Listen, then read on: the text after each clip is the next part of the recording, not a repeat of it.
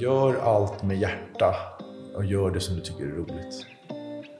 För, för tycker du att det är roligt och gör det med hjärtat, då kommer det gå bra. Så liksom, försök inte göra förställare eller hitta på något annat, utan gör det som du tycker du brinner för och som du tycker är roligt. Då kommer det lösa sig. Hej Niklas och varmt välkommen. Tack så jättemycket, Alexander. Tack. Det är underbart att få vara i Stockholm och hälsa Ja. på er här. Eh, Solen skiner här. Det är inte ens ett moln och i Göteborg var det riktigt risigt väder som du vet som var där nu. Jag var där i måndags, tisdags. Då regnar det också kan jag säga. Så det, Ja. det är ofta med i Göteborg att det regnar. Ja. Men här är fint. Här är det riktigt fint. En fin höstdag. Ja. Men jag tänker vi, vi kör på. Yes. Hur, vem är Niklas och hur hamnar du där du är idag? Om vi går tillbaka till barndomen och Yes. börjar.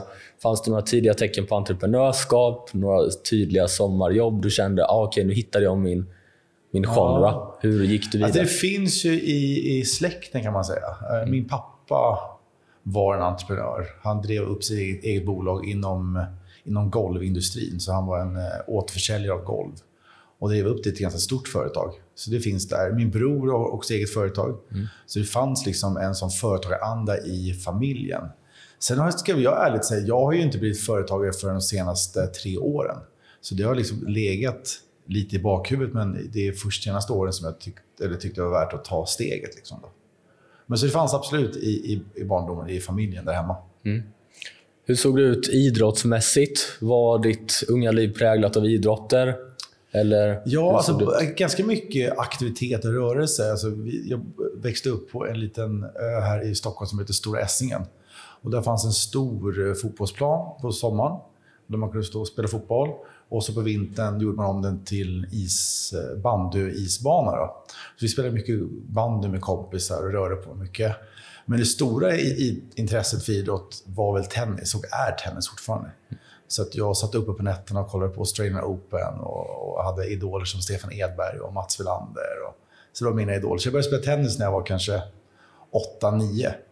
Sen har jag, eh, liksom, det intresset har funnits kvar hela tiden tills, tills idag.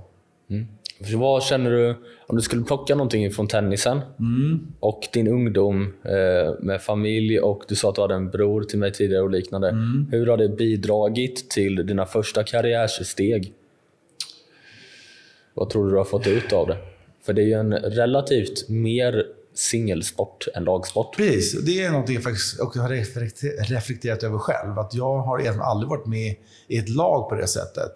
Men däremot kanske jag däremot har varit det arbetsmässigt. Alltså jag tycker det teamet och så här har varit viktigt arbetsmässigt. Men jag har inte en lagidrott på det sättet. har jag inte. Sen hur det har präglat mig jag vet faktiskt inte. Det är svårt att säga. Men jag har också reflekterat över det och insett att jag är ju liksom en mer individualist när det gäller idrott och den biten. Men när jag, när jag däremot jag arbetar så jag är mer av en lagspelare och en teamplayer när det gäller när det är arbetsrelaterat och ledarskap och sådana saker. Så det är väldigt viktigt för mig med teamet. Så att, ja, på något sätt fick jag nog med mig det i alla fall.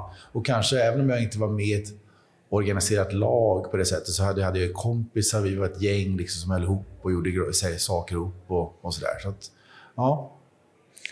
Hur såg det ut när det kommer till eh, bolagsprojekt eller arbetsprojekt? För att jag vet vi har haft folk som har varit riktigt skarpa i eh, allt från hockey till fotboll till golf.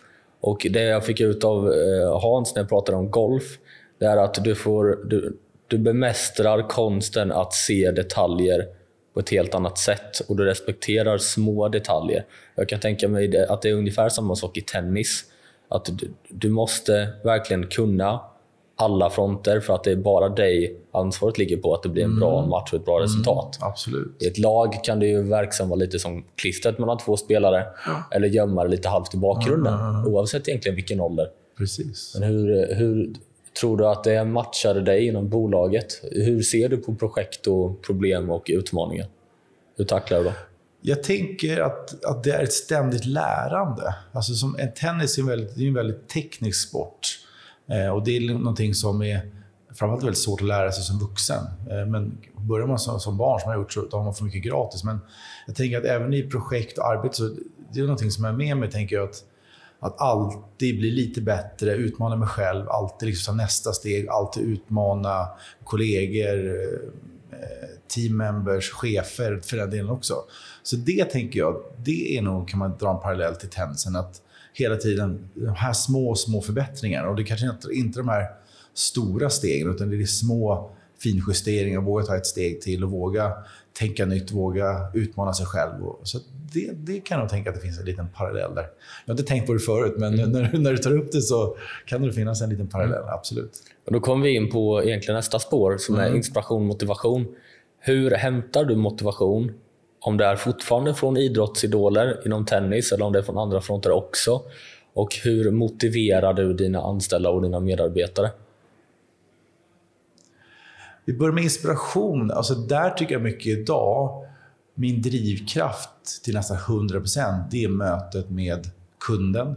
Alltså uppdragsgivaren i det här fallet. Om det är till exempel en VD som ska rekrytera en ny eh, hotelldirektör till exempel.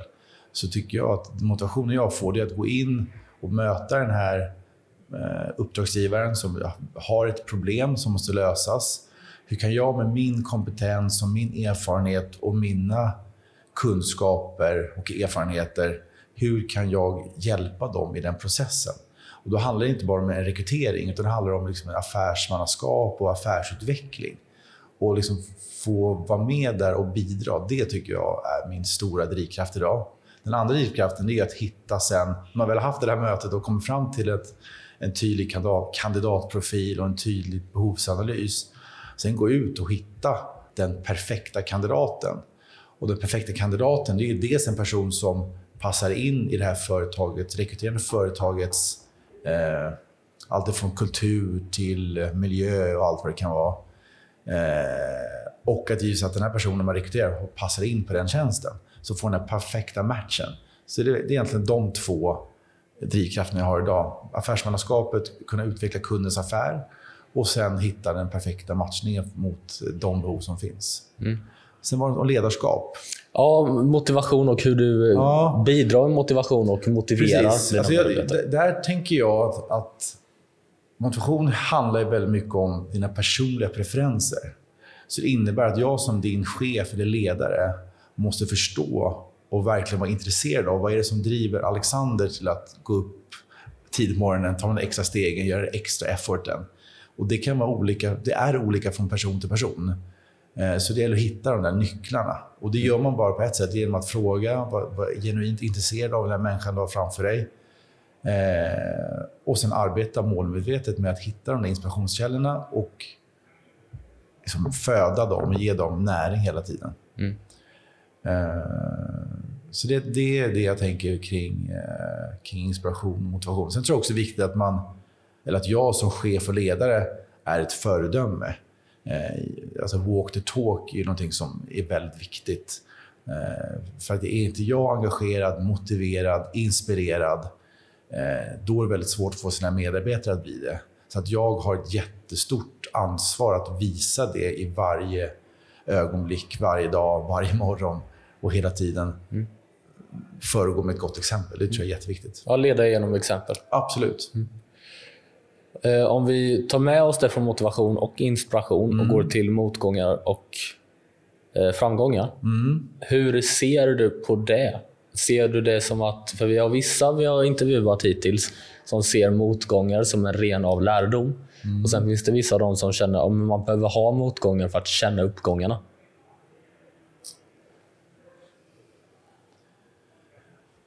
Ja, jag skulle kanske vilja problematisera lite mer än så. Vad är motgång och vad är medgång? Mm. Alltså, jag tänker att det är olika faser i livet, olika faser i ett arbetsliv. Och ibland så går det på ett visst sätt och ibland går det på ett annat sätt. Eh, jag, jag, Men jag, jag, kan bryta ner det. Om mm. vi tar din egna defini eh, definition av vad Niklas, vad som gör Niklas lycklig.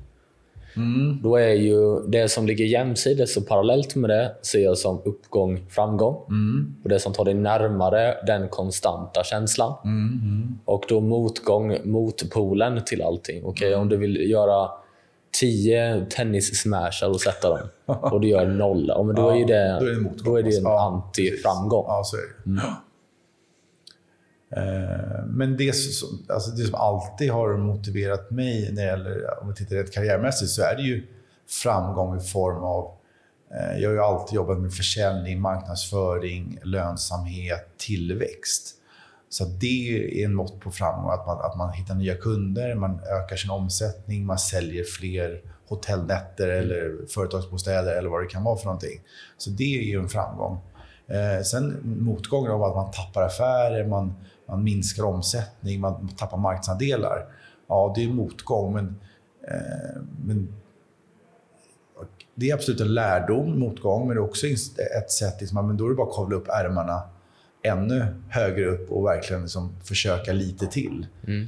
Eh, för det tycker jag ändå så här med det, 30 års arbetserfarenhet bakom sig, att what you put in is what you get någonstans. Alltså det, det ger effekt om du är engagerad och du är motiverad och dedikerad att, att nå en viss typ av framgång så kommer den att komma. Men det är klart att det kommer finnas gupp och svackor på vägen.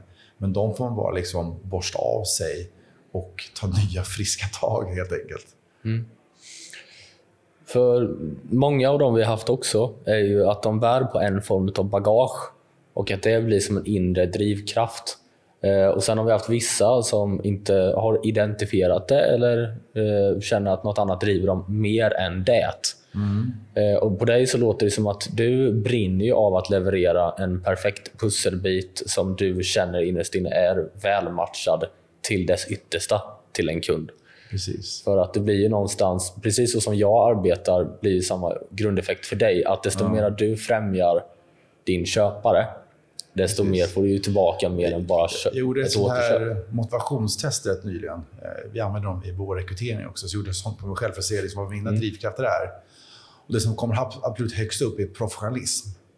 Så det är, liksom, det är mycket drivkraft för mig att leverera en perfekt professionell upplevelse eller affär eller vad det kan vara. Så det, så jag håller med dig om att det är, det är en väldigt stark drivkraft hos mig. Att, att det ska vara professionellt, det ska vara liksom affärsmannamässigt och det ska vara liksom en jävligt, förlåt, väldigt bra leverans. Mm. Om vi eh, backar bandet och går till utbildningsdelen. Mm. Hur har den delen sett ut? Och Sen kan vi presentera nästa fråga. Då. Hur ser karriärstegen ut, bolag till bolag eller större projekt till mindre projekt till större projekt? Mm. Hur, hur har den sett ut om vi kör skola först? Där? Skola först. Alltså jag hade två eh, drömmar när jag var tonåring. Det ena var att bli reseledare och det andra var att bli journalist. Eh, så jag pluggade på Stockholms universitet och läste till en filkand där med inriktning statsvetenskap, nationalekonomi och lite ekonomisk historia också. Och parallellt med det så läste jag på något som heter Poppius journalistskola, som ett komplement till sin antingen akademisk utbildning eller till ett arbete man har.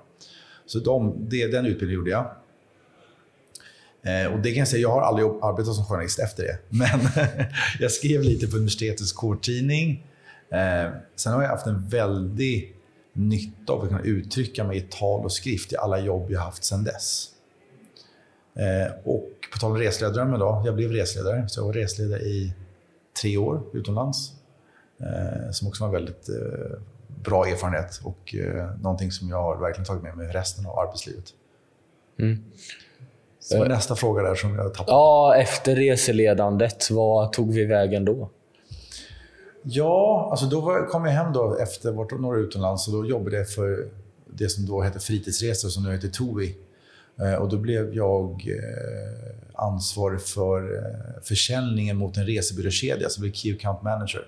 Så då kom jag in på försäljningsspåret. Då. Jag hade arbetat med försäljning innan. Jag har jobb, sålt både mattor, cyklar, försäkringar på telefon. Så jag har jobbat med försäljning sedan jag var typ 15-16. Så jag har haft med mig hela tiden. Då. Men sen efter fritidsresor och Tovis ut, utrikesdel där, då, då jobbade jag som Key Account Manager ett par år. Och sen så fick jag mitt första chefsuppdrag i Sverige och då var jag chef för deras grupp och konferensavdelning. Då.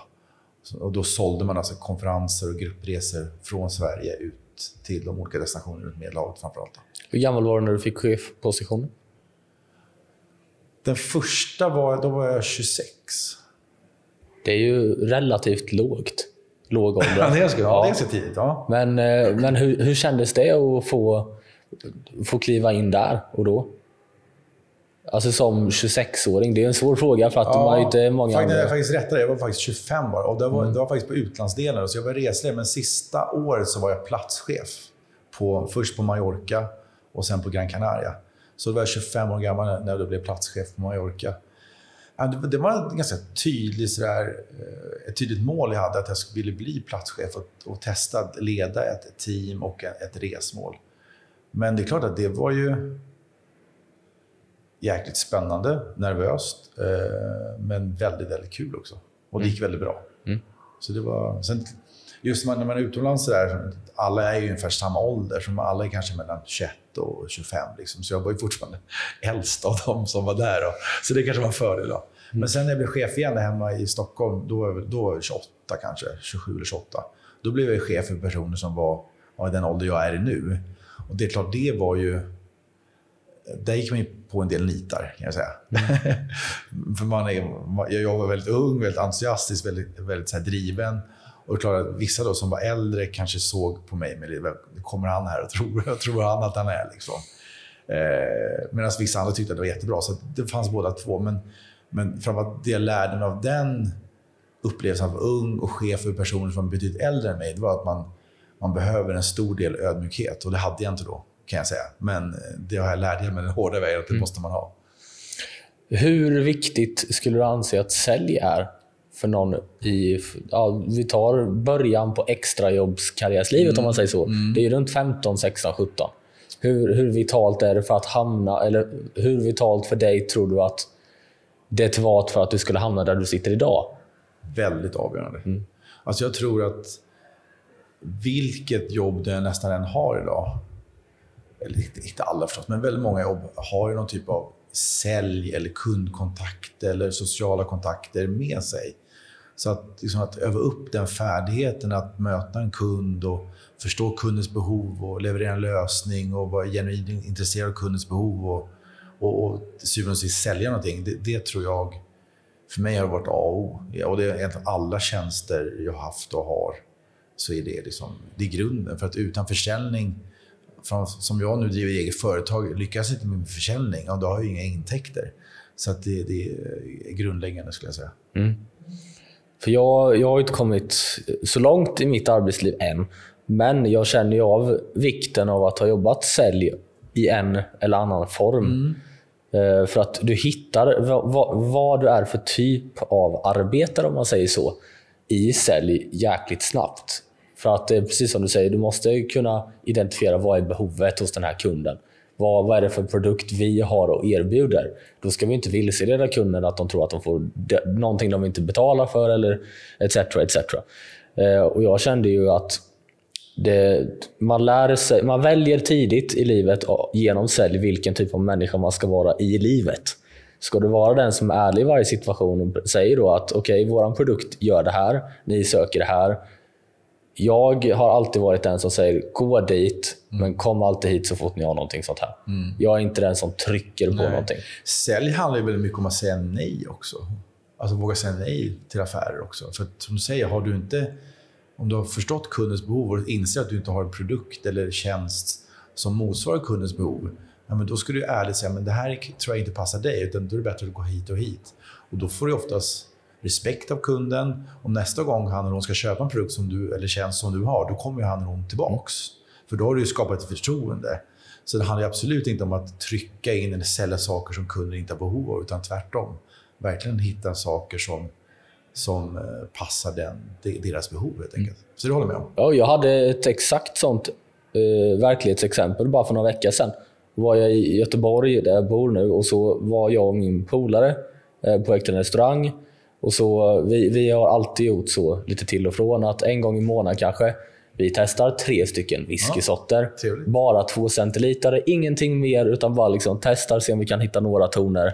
Och gör vi inte det, då, då kvittar det.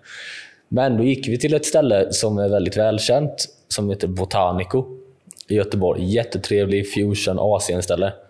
Eh, och då sa vi att oh, vi skulle vilja testa lite whisky. Han var stendött helt ärlig han sa, här är det tequila. Jag ser i ögonen på er att ni älskar whisky. Gå två, han, han gav mig adressen på ett papper på ja, två sekunder. Ja. Och Då vet man okay, varje gång jag ska äta någonting och inte är sugen på att göra då det, då går man dit direkt. Ja, det är det som är bra kundservice. Precis. För det, och det är kul att säga det, för, att det så, för ofta, försäljning kan ju ibland vara, vara lite fult, så där, som här, pracka på och nasar och sådär. Men för mig handlar försäljning om en sak som blir så kundservice. Att ge en bra service. Och, och, då får man ju så mycket tillbaka sen om man ger den här bra servicen. Mm. Jag hade det igår. Då hade vi ett par kunder som hade missat shuttlebussen till där vi skulle vara. Och för mig som kommer från restaurangbransch, som du känner till väldigt väl, mm. då är det, det är, för mig är det en no-brainer. Har jag tre platser i bilen, hoppa in så åker vi. Ja, schysst. Men det, jag, jag förstår ju inte den typen av säljare som säger ja, men varför? Ja, men det finns inget varför. Det ska inte finnas något varför. För att du är på din position för att tjäna din kund. De är inte där för att ge dig pengar för sin produkt. Ditt ändamål är att du ska göra deras situation de sitter i bättre än när du fann dem. Det är det som är målet. Inte att göra tvärtom. Men eh, jag tänker vi bryter vidare till, eh, till bolagsdelen. Ja. Efter hela eh, chefsstuket. Mm. Du är 28 år. Du hade gått in lite kaxigt på ett bolag. eh, åldershierarkin eh, gick inte hand i hand med eh, bolagshierarkin. Hur ser det ut efter det? Vad tog Niklas vägen? Jo, eh, då, det här var då... Ja, det spelar ingen roll vilket år det var, men det är många år sedan. Eh, men i alla fall då tänkte jag, då har jag varit på fritidsrestaurang i sju år och insåg vilken bransch i Sverige är ungefär som resebranschen, men inte är resebranschen. För, det, för resebranschen det fanns Ving, det fanns Fritidsresor och det fanns Apollo. That's it. Eh, så vad om jag vill göra, liksom, göra någonting annat? Vilken bransch är då närmast? Och då kom jag att tänka på hotellbranschen. Så då sökte jag mig till hotellbranschen och eh, sökte jobb som eh, marknads och försäljningschef för ett konferenscenter som ligger utanför Stockholm på Lidingö, som heter Skogsmovik. Mm. Så det var mitt jobb efter, efter det här äventyret på fritidsresor. Eh, så där började jag Och då var jag väl 30 år gammal ungefär. Då. Eh, och blev då chef för den här konferensanläggningen som har typ 200 rum och ett 40-tal konferenslokaler. Och jag tror vi var åtta eller nio personer på marknads och säljavdelningen. Då. Så det var, det var liksom mitt, mitt kliv in i hotellbranschen. Och sen dess har jag varit där kan man säga. Fram till för tre år sedan då, då jag startade eget. Då. Men innan dess så var jag i hotellbranschen i 20 år ungefär. Vad var den största lärdomen du fick ut av, att, av det hoppet? Vad var den största kontrasten? Som du upptäckte i dig själv? Det är ju sakliga kontraster. Självklart, det är två olika branscher i sig. Men den största kontrasten du fann i ditt ledarskap, om vi säger så? Om det var någon kontrast? Ja, nej. Jag, jag, jag tycker att jag tog med mig mycket av det jag hade lärt mig från den här lite sämre erfarenheten av, av ledarskapet. Jag kom in med en annan ödmjukhet, en annan attityd. Eh, och liksom verkligen försökte få med mig teamet tidigt. Liksom, och involvera människor i beslut och få alla känna delaktighet. och Så, där. så det tror jag var den stora skillnaden. Plus jag då också hamnade i hotellets ledningsgrupp där jag inte suttit förut. Så där är klart, där fick man då lite ny situation och nya arbetsuppgifter och så. Men, men en mer ödmjukhet, ska jag säga. Mm. Eh, hur, hur var hoppet vidare efter den hotellbranschen vid 30 år? Hur såg det ut? Hur länge var du där? På Skogsmarvik? Ja. Där var jag väl i tre år, tror jag. Mm. Eh, och sen så blev jag... Eh, jag sökte jobb som hotelldirektör för ett hotell i Noakor som heter Ibis. Så då gick jag över därifrån och blev hotelldirektör för ett Ibis hotell som ligger strax utanför Stockholm i något som heter eh, Hägersten, eh, söder om Stockholm. Då. Så där, där kom jag då, fick då totalansvaret för hela det hotellet. Också ungefär 200 rum och ett 20-tal konferenslokaler och restaurang och bar och ett, helt, ett fullservicehotell av trestjärnigt. Så där var jag i tre år också drygt. Mm. Men då blir ju den mest relevanta frågan jag kan ställa då, vad är din definition och syn på bra service. Vad är bra service för Niklas? Bra service är... Alltså jag tänker att bra service måste vara på riktigt på något sätt. Att det, att det ska kännas när du träffar, till exempel om du kliver in som gäst i en hotellreception. Att du känner att du får ett genuint riktigt vänligt, varmt välkomnande. Där faktiskt någon är intresserad av vem du är och vad du har för behov eller vad, vad du behöver ha, ha, ha, göra där och sådär. Så det skulle jag säga liksom är, är riktigt bra service. En annan del riktigt bra service är också att man följer upp. Till exempel om, det, om man har ett, ett, ett önskemål eller ett problem, att man verkligen ser till att det följs upp och löser och man även kontrollerar i efterhand att det blev det bra. Så det, den tror jag är... Eh, sen tror jag också bra service handlar om att våga låta din... När du som servicegivare, låt, våga låta din personlighet lysa igenom. Alltså våga bjuda på dig själv. Du inte, det ska inte vara privat, men våga vara personlig. Eh, våga fråga om hur... Du, nu, när vi träffades idag nu, så mm. frågade du mig hur min resa hit hade varit. Det är också en genuin omtanke och fråga, för du var intresserad av det. Mm. det är en sån fråga man kan ställa också i en hotellreception. Man kanske folk kommer in med stora kassar, eller förlåt, stora bagage och så, men hur har resan gått? Hur har det varit? Och det här liksom lilla extra omtänksamheten. Mm. Det tror jag, eh, eller tycker jag är bra service. Så för att sammanfatta det, säkerhet i att du känner dig bekvämt omhändertagen på ett icke påfrestande sätt. Nej, och personligt. Och mm. inte det liksom, inte det Disney-smilet, utan liksom, nej. nej. Utan liksom det här... Ja, det ska vara äkta. Ja, det ska äkta. vara genuint. Och, så, och det där handlar ju också tycker mycket om att man kan känna som gäst, liksom, eller, eller jag besöker ett mycket hotell liksom, många konferensanläggningar. Och jag kan ganska känna på stämningen. Mår de här människorna bra? Har de kul på sitt jobb? Har, är det ett bra team? Har de bra ledarskap? Att det, liksom, det skiner igenom i servicen. Så, att, så det, det handlar inte bara om att den här personen ska leverera den här servicen. Han eller hon måste ha rätt förutsättningar i sitt team, i sin, sitt schema eller vad det kan vara för andra mjuka värden så att han eller hon känner att de kan göra ett bra jobb. Så det, det är hela, liksom, hela resan bakom också som mycket skiner igenom i servicen, tänker jag. Mm. Men om vi tittar på där du sitter idag i rekryteringsbranschen. Vad känner du är, om det är något som är nästa steg? Vill du vara kvar i den här branschen på obestämd tid eller hur, hur känner du? Har du fått upp nosen på någon ny Det är en liten farlig fråga, jag vet. Men eh, jag tänker Nej, om vi... Men jag är... Alltså jag tycker så här att det är fortfarande ganska nytt. Mm. Eh, vi har en, ty en, tydlig strategi, ett tydligt mål, vision ska jag säga, att bli nummer ett, att bli marknadsledande i vår bransch. Vi är inte där ännu. Så det är liksom målet framöver nu, att eh, leverera eh, bra rekryteringar, få nöjda kunder som pratar om oss i branschen eh, och sen att vi ska bli marknadsledande. Och det finns ett par konkurrenter som är, i alla fall en konkurrent som är större än oss. Mm. Eh, men vi vill eh, det är liksom nästa steg. Sen vad händer om fem, tio år? Det vet jag inte. Men, men det känns som en, en bra och kul utmaning. Mm. Underbart, tack. Lördag, söndag, en timme varje vecka. Och sen är jag med i en sån här gruppspel, så jag tävlar en gång i veckan också. Så det tennis blir i alla fall tre gånger i veckan. Mm. Eh, och sen så eh, går jag på gymmet kanske en gång i veckan. Och då brukar jag gå sådana pass som heter cross-training-pass. För att få lite mer allsidig träning av hela kroppen. Mm. Hur använder du träningen som redskap? Använder du det mer som att okej, okay, jag går in, jag bränner slut på mig så att jag är färdig, ren sida?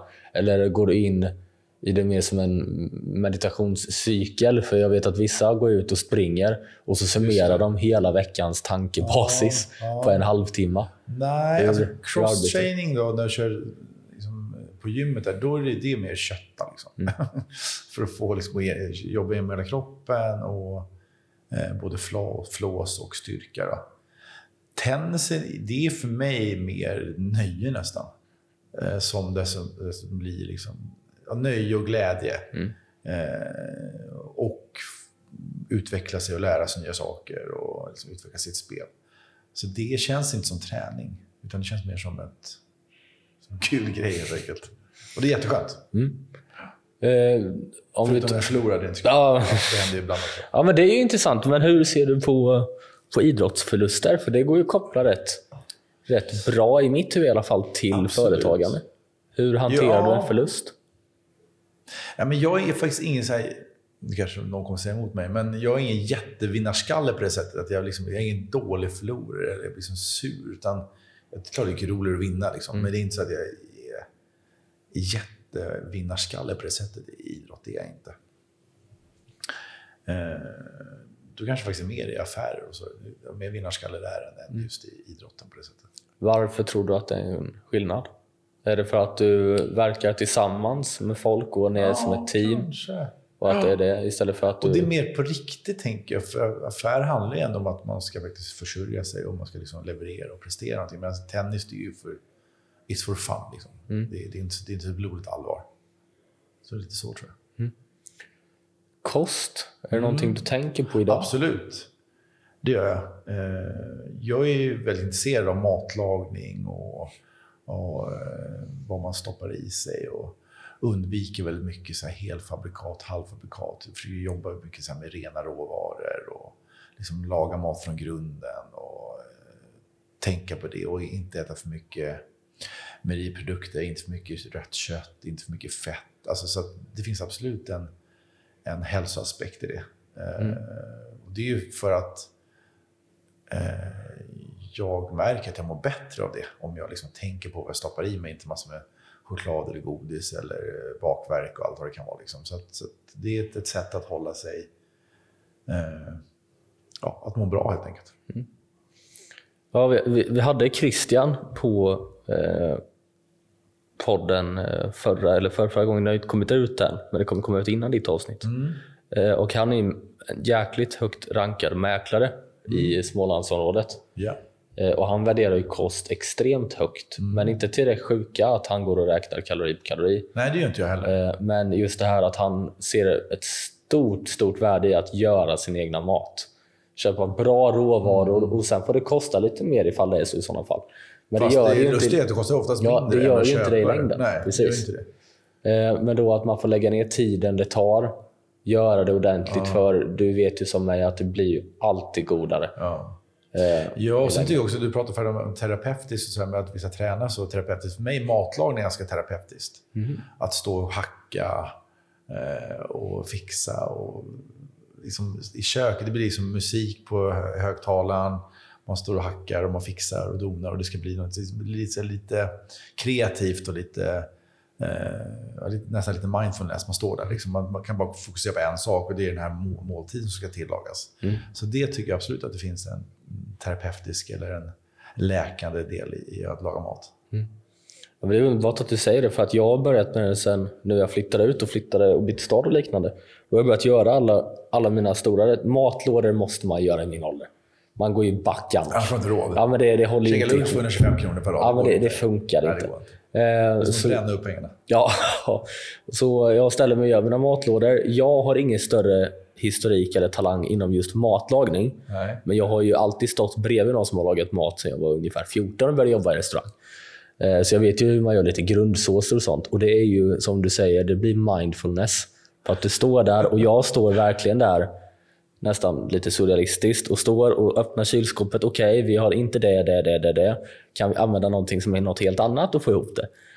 Och så tar man en gamble på hela veckobudgeten. och så blir det bra så blir det bra, annars eh, får man byta upp och se det som bränsle. Ja, eh, lärdom. Ja, lärdom precis. Men det är ju det är underskattat. Ja. Det är det verkligen. Men eh, kostcirkel som du säger att du värderar högt, värderar du annorlunda nu gentemot när du var yngre? Och Då tänker jag i min ålder ungefär runt 20-strecket. Hur ser jag är antagligen ganska medveten om, om mat och mm. vad man stoppar i sig. Det fick jag nog med mig från, också från föräldrahem eller barndomshemmet. Liksom. Att det var, maten var ju ganska viktig där. Liksom, min mamma stod mycket vid spisen och gjorde go goda grejer. Liksom. Så att det, allt, och jag tror jag stod bredvid henne och hjälpte till. Och, nej, så det har nog alltid funnits med där. Mm. Så det är inget som har kommit senaste året, utan det har funnits där som en ganska viktig del. Mm. Mental hälsa, mm. kanske det mest laddade ordet i år. Ja, ja. Men eh, hur eh, hanterade du det? För att jag anser att det är eh, ignorant att antyda att ingen bär på någonting. Ja, då, är, ja, men då, är det bara, då är vi tomma skal, så funkar det inte. Men hur balanserar du dig själv under en arbetsvecka? Ja, alltså det där måste jag tänka på. Eh, för Jag hade en episod för fyra fem år sedan när jag mådde riktigt dåligt. Eh, och Då fick jag faktiskt diagnosen att eh, utmattningsdepression, utbrändhet. Då. Så den har jag med mig. Så att jag vet vad det innebär att gå över gränsen och inte ta hand om sig själv och inte eh, ha återhämtning utan bara köra på, köra, köra på, köra på. Så det är någonting som jag har fått lära mig the hard way. Man, man tror, eller jag trodde att jag var oövervinnelig. Liksom. Jag kunde göra vad som helst, men det, så var det inte. Utan, så, så det är jätteviktigt. Mm. Och det jag lärt mig från det, det är att, eh, att hitta, eller hitta, att skapa tid för återhämtning. Och att skapa tid för att faktiskt inte göra någonting. Eh, och du måste, jag måste ladda batterierna för att det, det tar slut. Och det är också lite med ålder jag tror också. Men jag är 50 år nu och jag kunde hålla ett högre tempo när jag var 30 jämfört med 50. Så det är ännu viktigare idag. Och där kommer ju också sömn in. Det kommer kosten som vi pratade om. Men återhämtning och träning också. Så det, blir, det är som en cocktail liksom som måste funka. Mm. Eh, men jag måste absolut tänka på det. Mm.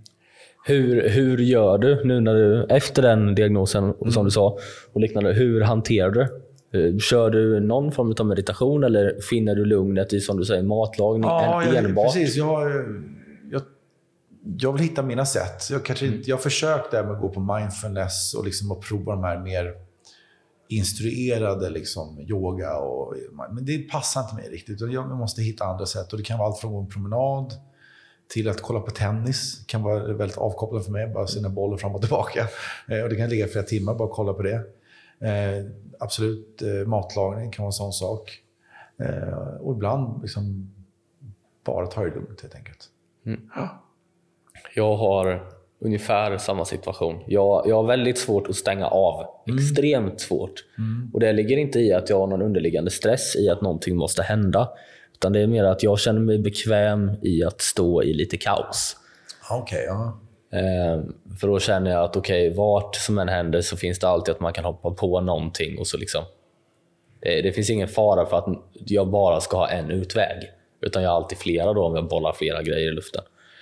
Eh, men just när det kommer till mindfulness-delen så har jag ju hittat den i både träning, eh, för jag kommer ifrån att jag har spelat väldigt mycket ishockey, väldigt mycket golf. Mm och egentligen väldigt mycket fotboll, innebandy och allting. Så träning har alltid varit det jag backar tillbaka mot för att, för att meditera på det sättet, om man kan kalla det för det. Eh, och Det är därför jag tror att morgonrutinen har funkat för mig och folk som har kört i min ålder. Eh, just för att du har inte orken nog att tänka på någonting komplicerat när du är där på morgonen. så då blir det verkligen sådär, okej, okay, slappna av, du fokuserar på en singularitet och sen är du klar. Mm. Mm. Och Då märker jag att då motsäger jag mig lite för att jag tycker att det är skönt när det är en grej istället för kaos. Mm. Men det blir ju lite yin och yang på det. Så är det. Och det gäller att hitta sin grej, tänker jag. Mm. Och, liksom, och, och, Det finns liksom inget rätt och fel, utan man måste verkligen hitta det som, som, som funkar för mig. Mm. Jag har en stor grej, resa också. Det blir avslappnande. Mm. Köra bil, jag kan, jag kan ja, köra jag två timmar och bara liksom det är så avkopplande. Ja, ja. Men det, Lite musik på radion. Ja, och så åker man en fin landsväg eller någon jättefin motorväg. Du har åkt förbi med hemstad, säkert Jönköping. Och det är Gränna och så har du en lång härlig slinga längs med eh, Vättern. Ja, det, är, det är fint. Ja, sånt finner man ro i. Men jag tänkte, vi kan plocka upp där vi lämnade på förra spåret. Du är 30 år gammal. Nej. Jaha, ja, ja, ja. Jag bara, nej, jag, nej, nej, nej, nej, nej, nej, nej. Jag var 30 år gammal. Nu pratar vi för 20 år sedan. På 19 Ja, precis.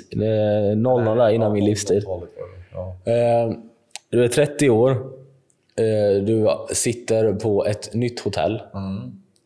med hur mycket ansvar som helst. Mm. Och du har tagit lärdomar från åldershierarkier som har krysskraschat och nu sitter du på den stora, stora kulan. Hur jobbar dig igenom det och hanterade det, mm. Niklas? Mm. Eh, jag kom till det här hotellet då, som är ett trestjärnigt hotell lite utanför Stockholm. Och märker ganska snart... Och första approachen är att ha väldigt stora öron. Alltså lyssna på personalen som faktiskt jobbar där, som har jobbat där länge och som vet vilka kunder vi har, vilka gäster vi har. Eh, vilka utmaningar de har i sin vardag, vad de tycker funkar bra, vad de tycker funkar mindre bra. Så att liksom, stora öron och var genuint nyfiken på vad de här människorna som är det här i mitt team nu då, faktiskt eh, går och bär på. Och kunde ganska snabbt definiera det som att det saknades väldigt mycket stolthet. Man tyckte det var lite sådär pinsamt att jobba på bara trestjärnigt hotell och vad vi att erbjuda. Och våra gäster de har ju bara de var ganska mycket småföretagare, kanske inte de här som hade mest pengar, utan det var eh, kunder och gäster som ja, vände på kronorna liksom och bodde här för att det var billigt. Liksom. Och det var någonting som jag ganska snabbt upptäckte då, att det fanns den här, liksom, man skämdes lite. Så det kanske största resan vi gjorde, det var att få tillbaka och jobba med stoltheten. Att faktiskt vi har ett hotell som passar den här målgruppen väldigt bra. Och det ska vi vara väldigt stolta över. För alla kan inte bo på Grand Hotel. Alla kan inte bo på eh, Hotell Diplomat på Strandvägen. Utan vi, olika hotell finns för olika målgrupper och alla målgrupper är lika viktiga. Även om de kanske då väljer att lägga lite mindre pengar på, på sitt hotellrum. Men de vill fortfarande ha ett genuint trevligt bemötande. De vill ha ett rent rum. De vill ha, kunna ta en öl i baren och de vill kunna eh, slappna av när de kommer dit. Så det var liksom det första vi jobbade med, att liksom få upp den här, liksom, belysa det och visa för min personal att fan, vi ska vara stolta över det vi gör. Vi levererar en väldigt fin produkt till ett bra pris, prisvärt. Och, eh, och det ni gör när ni möter gästerna, det gör skillnad för dem i deras vardag. Så det var det första. Eh, när jag tog över hotellet så var det väldigt starka röda siffror. Man gjorde förlust, man gjort det ganska många år. Så nästa steg var ju hur får vi upp omsättningen och får fler gäster och får fler betalande kunder. Eh, och Det hänger ihop, tänker jag. För att om du lyckas få upp servicenivån och få den här stoltheten av personalen så kommer det smitta av sig. Gästerna blir nöjdare. De kommer berätta för sina kollegor att men, där på Ibis Hägersten, men det var jäkligt trevligt. Och, ja, vi fick en, det var någon på frukosten som kom och serverade kaffe när vi satt och käkade. Och, alltså, så att få det här positiva surret kring, kring sin, sitt hotell. Eh, det var den ena strategin. Den andra strategin var att jag satte ett tydligt mål att vi skulle bli hotellet i kvarteret där man bodde, så att säga. Så att jobba, alltså gräv där du står. Och det är ganska ofta i mina eh, säljuppdrag eller mina uppdrag generellt att liksom, man ska inte gå längre än det närmsta kvarteren. För oftast där du kan liksom bygga din community, du kan bygga liksom ett varumärke eller en, en kännedom.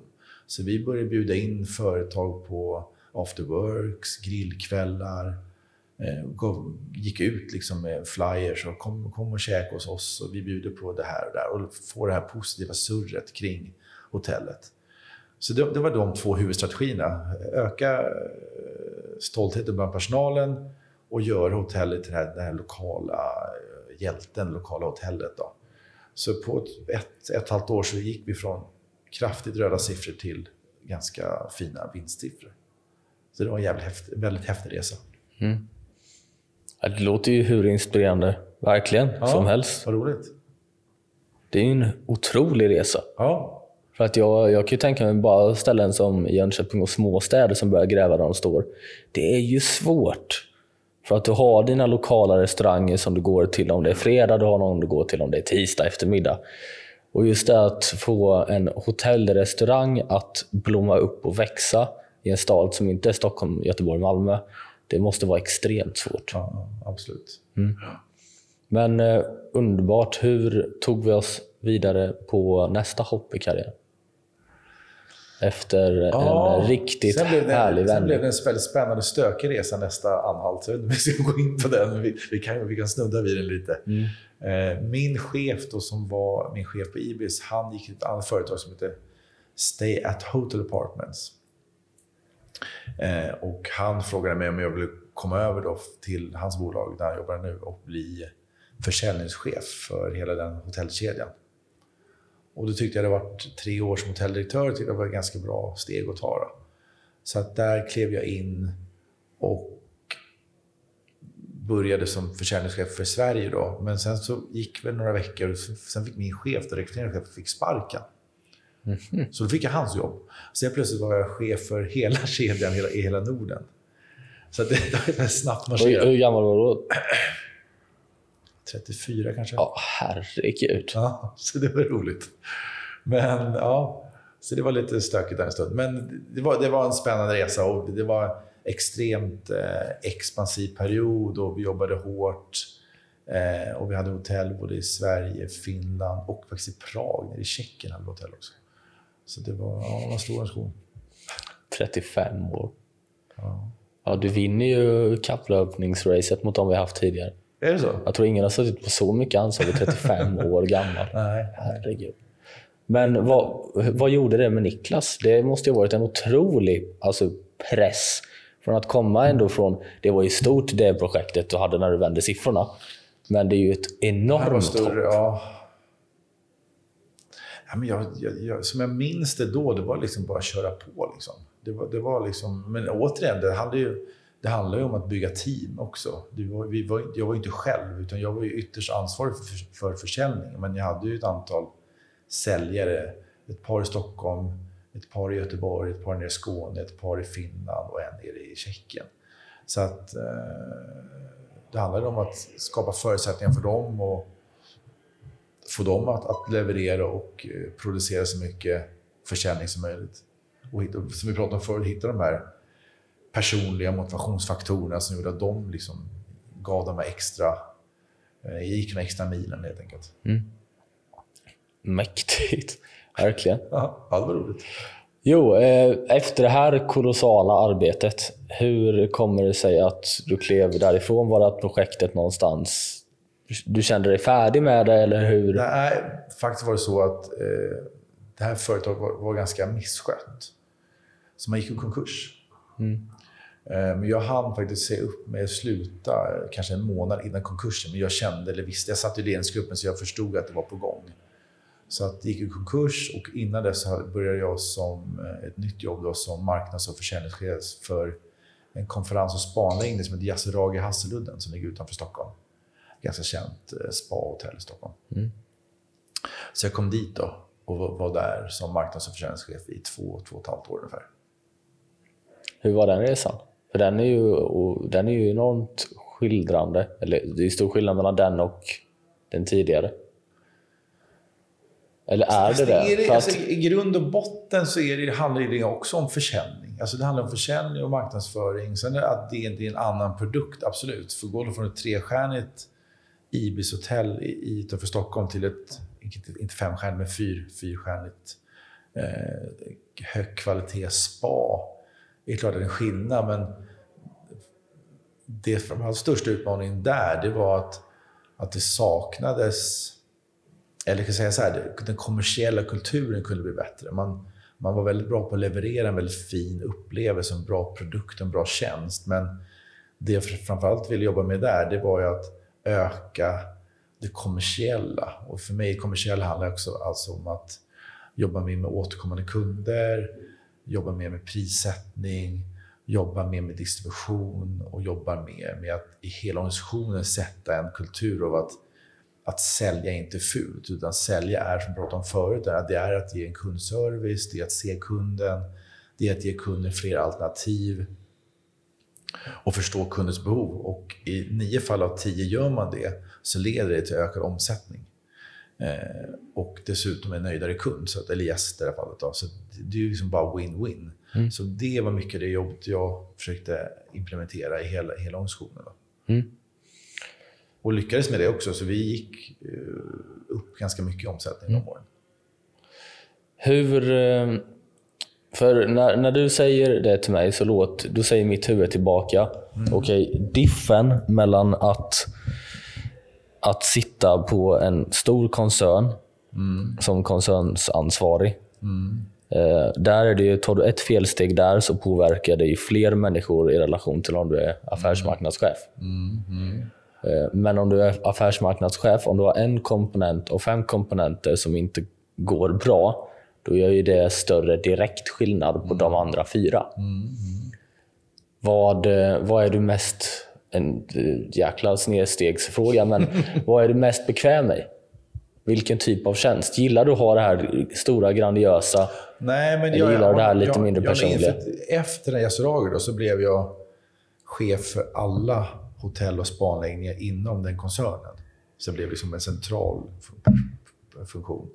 Och det trivdes jag inte med riktigt. Jag trivs mer hands-on, lite närmare verksamheten, närmare gäster, närmare liksom pulsen om man säger så. Så jag kanske är mer operationell än strategisk, om man säger så. Mm. Sen, har, sen att de behöver en strategi för, i, en, i en mindre anläggning också. Men jag passar bättre och trivs bättre och får ut mer effekt av mig som, som medarbetare i en lite, lite mer tajt organisation och mm. i, i, ett lite mindre sammanhang. Mm. Men det går ju att koppla lite till ditt första val av arbete som reseledare. Där är det ju direkt. Du har kunder framför dig. Du har inte kunder på andra sidan världen vid flygplan. Du har den framför Nej, dig. Precis. Tycker den att det är dåligt, då tenderar ju kunden på semester att säga att det är dåligt. Så är det. Eh, för det finns ju eh, grejer att tjäna på den fronten med direkt feedback ibland också. Eh, men det är ju otroligt intressant att höra att du... För att det är ändå så här, du har ju visat att du kan bemästra båda, båda aspekterna med att du har vänt siffror. Så är det ju. Sen en, en konkurs är ju, det är ju svårt att påverka. Om, om skeppet är halvvägs ner till botten, det är ja, ju, man kan inte bära det själv när det är så stort. Det är ju underförstått. Men, och det är också, vi pratar om lärdomar, det är också en lärdom. Alltså vara med i ett bolag som, som går i, går i konkurs, det är ju faktiskt ganska intressant. Och man kan också se vad som, eh, vad som gjorde, vad var det för felbeslut och fel tänk som gjorde att man hamnade där man hamnade. Och det var ju massa olika saker. Eh, så det har jag också tagit med mig. Att vad man in, det är också en viktig lärdom. Vad, dels vad ska man göra, men vad ska man inte göra? Det är kanske minst lika viktigt. Och det får man ju genom en sån erfarenhet och varit med om ett sånt, sånt eh, bolag som går från liksom, stora planer till att plötsligt inte kunna betala sina räkningar. Liksom. Mm. Men när du sitter som marknadsansvarig affärsområdeschef, hur gammal är du då? Tänker du på Yasuragi eller? Mm. Ja, men det är väl 12 år sedan, alltså 38, 37, 38 kanske. Mm. Hur ser resan ut mellan 38 och idag? Det som är kvar? Mm. Eh, nej, men sen efter Yasuragi eh, så var jag eh, fortfarande kvar i samma koncern då, och då blev jag ansvarig för Nordic Light och Nordic Sea Hotel inne i Stockholm. Och där var jag i tre år också marknadsförsäljningschef en liknande resa som på Yasuragi där vi försökte jobba med öka försäljning och öka intäkterna. Och sen gjorde jag ett helt lappkast, så då bytte jag bransch. Då hamnade jag på ett företag som heter Medley. De driver simhallar och träningsanläggningar i Sverige. Mm -hmm. Så jag blev eh, deras... Och då hamnade jag också lite mer eh, på central strategisk nivå. Eh, och drev framförallt konceptutveckling, och försäljning och medlemskap i, den, i det bolaget. Då. Eh, också en jäkligt eh, intressant resa. Jag kom in från helt annat håll, liksom från hotellbranschen med allt vi jobbade, jobbade här med service, kundbemötande, hospitality. Och, och det var därför jag tror också man rekryterade mig för att komma in, att man ville lyfta liksom, kvaliteten och servicenivån på, på deras tränings och simanläggningar. Så det var en väldigt spännande resa. Mm. Och där var jag i tre år. Efter det så hoppade du till eh, Contools. Vad sa du? Till Nej, jag har faktiskt hela, hela mitt CV här nu. Ja, men det, det, det, men det är imponerande, för jag har inte haft någon som har varit på så många komponenter. Nej, men jag tycker det är så intressant för att du slutar inom rekryteringsbranschen. Och i varje aspekt du har gått igenom nu så har du matchat och varit den pusselbiten, i alla fall som jag hörde. Ja. Sen eh, är det ju alltid när man presenterar någonting själv, som från ditt håll, då blir det alltid att man berättar sin pusselbit så låter det som att det är nyckeln till Narnia. Men det blir ju någonstans, du har gått från ställe till ställe. Eh, det har varit röda siffror. Du bryter ner det på liknande sätt. Mm.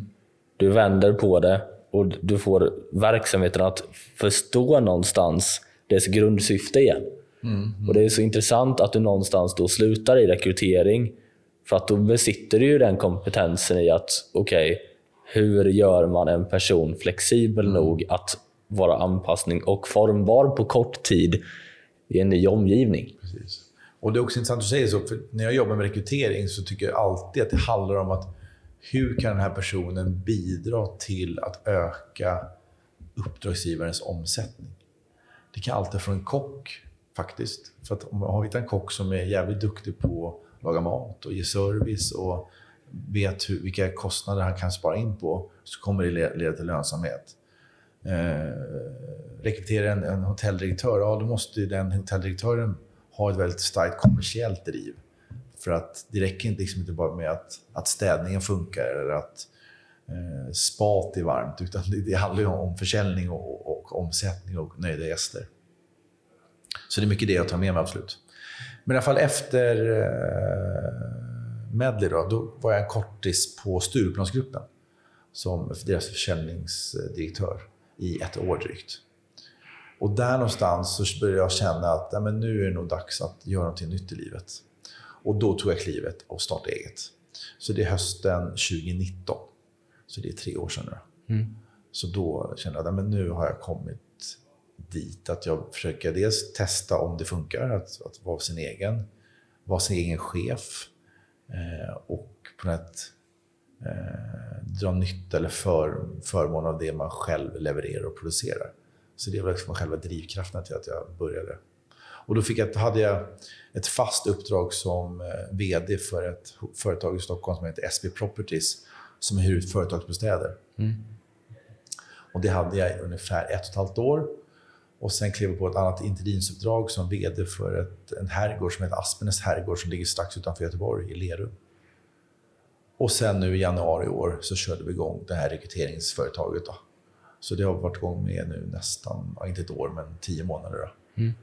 Och då började det från noll eh, och nu så är vi up and running, mer än väl.